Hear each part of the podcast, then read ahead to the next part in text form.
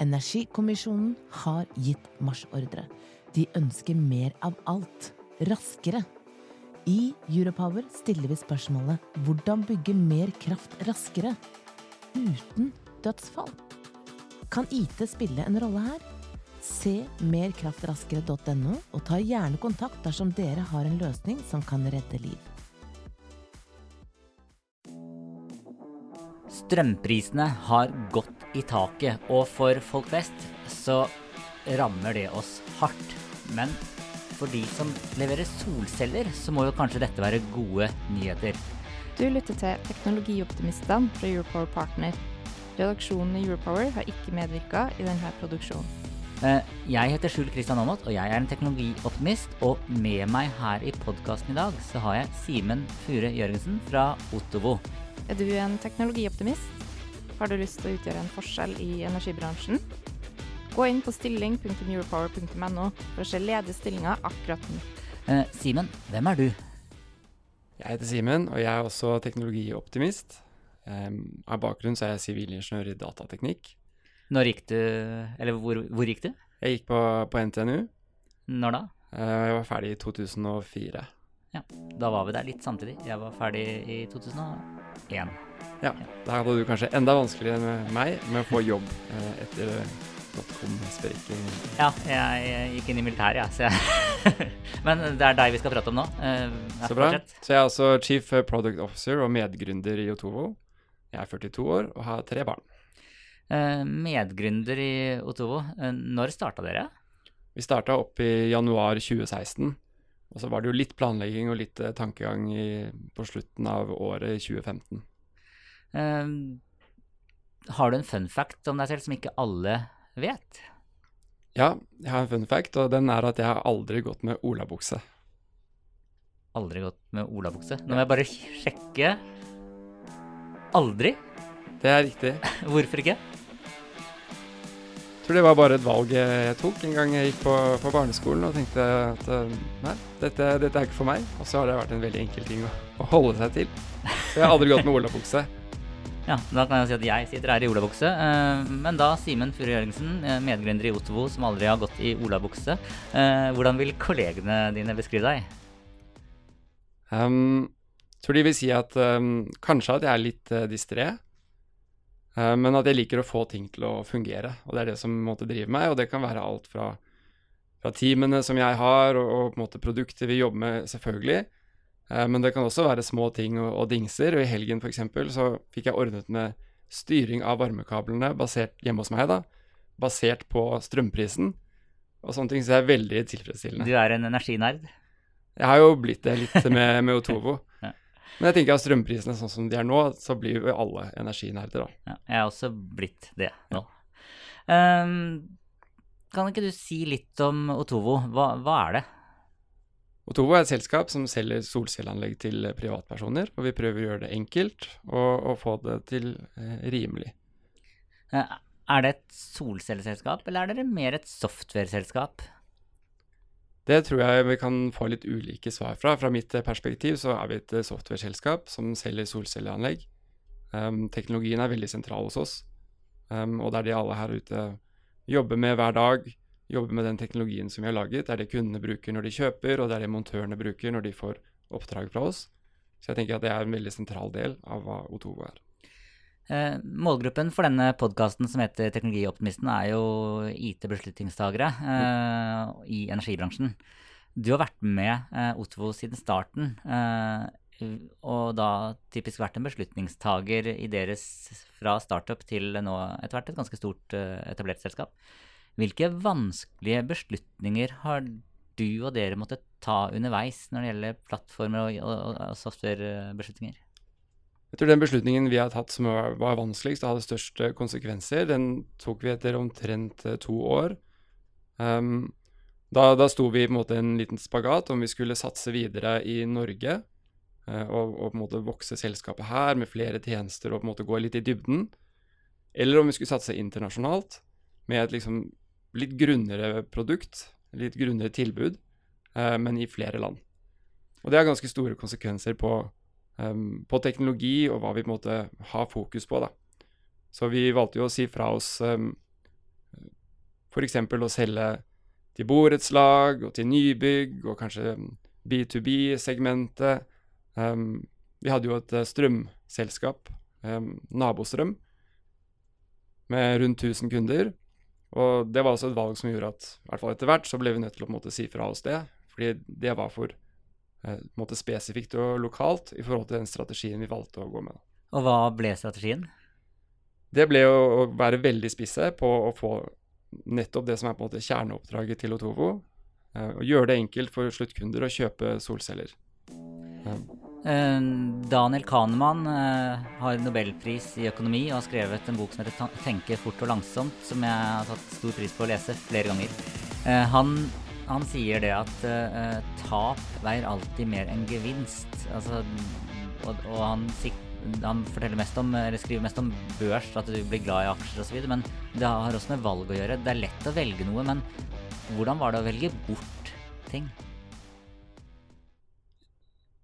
Så jeg er jo veldig enig i den tankegangen. Det er jo tungt å, å, velge bort ting. Og man må på en måte klare å sette seg selv litt um, ut av sine egne sko og tenke OK, hva, hva, er egentlig det riktige å gjøre her?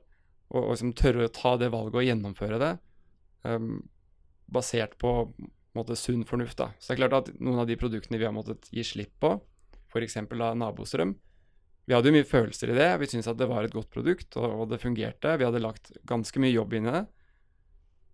Men hvis man ser på liksom litt kalde fakta på det valget vi hadde tatt, så var det det fornuftige å gjøre, å legge ned nabostrøm. Uh, og det ble lagt ned, eller ble det kjøpt, eller hva, hva, skjedde med det? Fra vårt perspektiv så la vi det ned, og så solgte vi kundene til Tiber. Ja. Hvordan var det å lede uh, prosjekter uh, det første året? Ja, For meg så er det viktig um, Akkurat dette med prosjektledelse er jo på en måte litt kontroversielt. Hos oss så er jo et prosjekt Det handler om at installatører får paneler opp på tak. Og utviklingen av plattformen vår er på en måte ikke prosjektbasert. Så det er ikke et stort prosjekt eller ikke et serie av prosjekter, men mer en, måte en kontinuerlig innsats for å forbedre den plattformen vi jobber på. da. Så det er viktig at vi på en måte gjør hele tiden det som understøtter driften og gjør på en måte butikken vår bedre.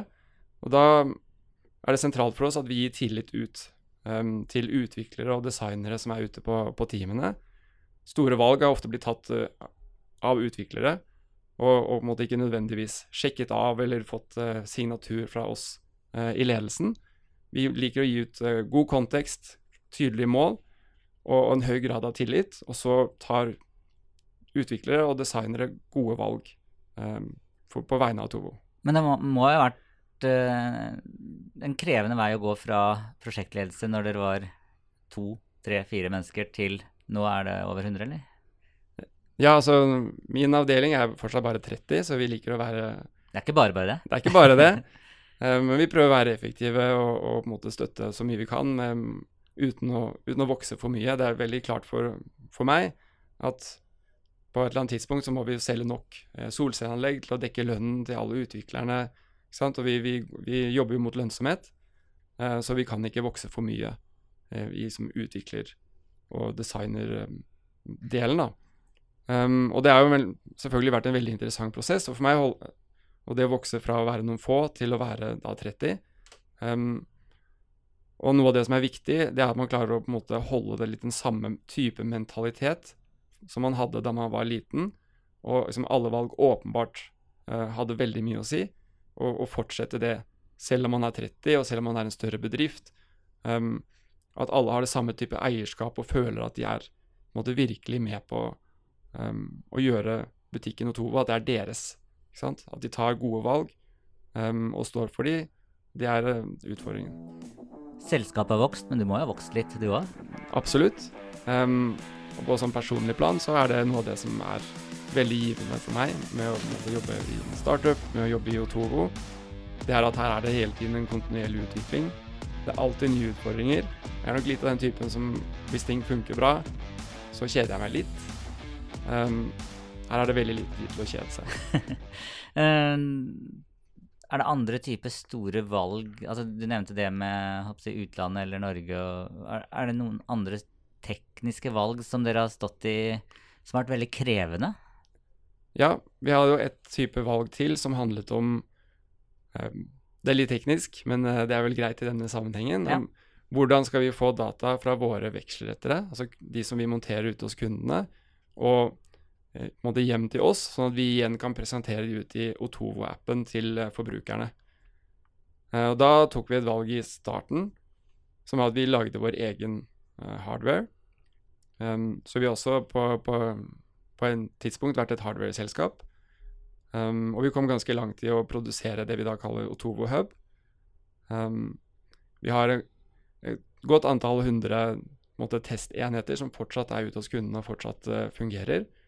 Um, så vi valgte å gå for måte, den hardware-retningen, men vi skjønte etter hvert at det var for tungt. da. Så det var uh, sett, uh, Når du ser tilbake, så var det et feil valg. Ja, jeg tror vi kan si det, at vi hadde nok kommet bedre ut av det hvis vi hadde valgt å, å, en annen retning fra starten av. De som har den, eh, dette ute hos seg nå, har de en dårligere løsning enn de som eh, har gått på løsningen senere? Jeg tror ikke de har en dårligere løsning. De har en, en løsning som fungerer annerledes.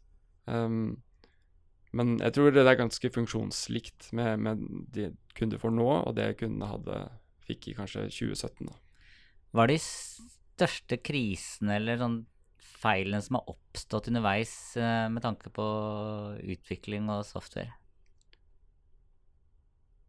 Ja, Nå kommer jeg ikke på noe veldig konkret eh, eksempel på det, men det som er alltid kjedelig, er å lage ting og på en måte legge innsats i noe som viser seg å ikke bli tatt i bruk, eller som viser seg å ikke være det kundene eller montørene våre trenger. Um, det syns jeg alltid er kjipt. Men man må kanskje av og til feile òg, hvis man er, skal være i front? Absolutt. Så det er jo hele tiden en balanse mellom det med å på en måte være på og prøve å være kjapt ute i produksjon og få ting ut, og på en måte tenke seg godt om eh, før man gjør ting, og teste det, intervjue kunder og, og, og gjøre liksom researchen før man, før man, handler. Og det å finne den gode balansen, det er alltid en uh, utfordring som vi må jobbe med kontinuerlig. Er du en teknologioptimist? Har du lyst til å utgjøre en forskjell i energibransjen? Gå inn på stilling.neuropower.no for å se ledige stillinger akkurat nå. Eh, så har jeg lytta til Eller jeg lytter til podkasten til Skifter. Selv om Skifter er eid av, deleid av Skipsted, som er vår konkurrent, så tør jeg å si at jeg lytter til dem. Det er konkurren Eh. konkurrentanalyse. Eh, og, og Lukas, som har den podkasten der, hadde et intervju med, med ja, din leder, altså leder av Otovo, Mm. der han pratet om, om product market fit. Altså når er det produktet til Otovo passer markedet? Og, og han mente at, det, at dere er der nå. Eh, hvordan ser markedet ut? Altså, for dere har jo også gjort en konkurrentanalyse, eller gjør sikkert det kontinuerlig. Altså, er, det, er det tøff konkurranse på sol, eller er det sånn at alle vil ha sol nå fordi strømprisen er så dyr? Eh, Det er litt begge deler. så Det er jo kjempetøff eh, konkurranse. Alle kan selge solcelleanlegg. Så vi har jo masse masse montørselskaper på, på plattformen. Det er jo hundrevis eh, rundt omkring i Europa. Men de aller fleste av de er jo også våre konkurrenter. Så de kan jo fint kjøre rundt i bilen sin og banke på, banke på dører og prøve å selge i, i nabolaget hos seg. Samtidig som den naboen sjekker prisene på, på Otovo. Så det er en utfordring som vi, vi lever med. Og så har vi jo store konkurrenter i Tyskland, og vi har eh, nettselskaper rundt omkring i Europa som typisk satser på solceller. Eh, så vi har jo eh, konkurransebilde som er både veldig variert, og vi har nesten altså, tusenvis av konkurrenter. da. Eh, Hvilke ambisjoner har dere? Altså, nå, har dere nå har dere fått inn investorer, altså tunge miljøer. Eh, Vi hadde jo Siri Kalvegg i Nysnø eh, inne i podkasten nå nylig, eh, og de har investert hos dere. Eh, hvor store skal dere bli? Vi har ikke noe tak, men vi skal bli størst i Europa på solceller, de private. Størst i Europa? Mm. Når Innen hvilken tidshorisont? Vi liker ikke å tenke så langt frem, så om, om to år så er vi størst i Europa. Det er kult. Kan vi legge inn i kalenderen en, en podkast om to år? Ja, da gjør vi det. Solcellepanel er, er jo i utgangspunktet ikke IT. Eh, vannkraftverk er jo i utgangspunktet ikke IT. Eh, heller ikke vindturbiner. Men hvordan kan IT være med å gjøre eh, bransjen bedre? Jeg tenker at det er, handler mye om holdning. At man må slutte å se på IT som noe utenfor. Eh, som noe man kan kjøpe, noe man kan måtte, bestille og, og gjøre, måtte, gjøre noe smart. Um, men mye mer som en del av den vanlige driften. Så man må på en måte bygge det inn Um, ikke sette det på utsiden og ha en sånn bestillermentalitet, men heller få det inn og få det som en naturlig del av, av jobben og hvordan man, hvordan man gjør ting. Uh, er bransjen litt sånn siderumpa? Altså, da tenker jeg ikke på Otovo, men eh, jeg har prata med ja, eh, IT-direktøren i Elvia f.eks., som selv sa at bransjen henger litt etter. Er det noe du kan kjenne igjen? Jeg kan jo kjenne igjen litt av det. Så jeg var jo i konsulentbransjen også, også tidligere og hadde jo flere av disse selskapene som, som kunder eller potensielle kunder. Um, og vi ser jo at det er mye å hente på å gjøre ting på en annen måte og på en bedre måte. Er dere en konkurrent av, av nettselskapene, eh, eller, eller, altså For det er hvem som skal ta nettleien, og hvordan om man kan produsere og selge egen strøm osv. Hvordan er det? Er dere gode venner, eller er dere konkurrenter? Vi er gode venner, og vi vil gjerne være gode venner. Um, vi ser ikke på nettselskaper som en konkurrent, men nettselskaper kan jo velge å ta opp konkurransen med oss, selvfølgelig. Så hvis uh, hvis de satser på solceller og starter å selge solceller til private, så er vi jo i konkurranse på det segmentet. Eh, med tanke på teknologi, eh, det finnes over 100 nettselskaper som har hver sin type teknologi. Er det en utfordring for Ottovo? Det er en utfordring for Norge, tenker jeg. Eh, det er jo veldig lite effektivt. Det er det. Det er det. Er det kanskje noe du kan fikse etter at dere har blitt størst i, i Europa? Jeg vet ikke om det er nettselskap som er min neste utfordring, men vi får se. Man vet jo aldri.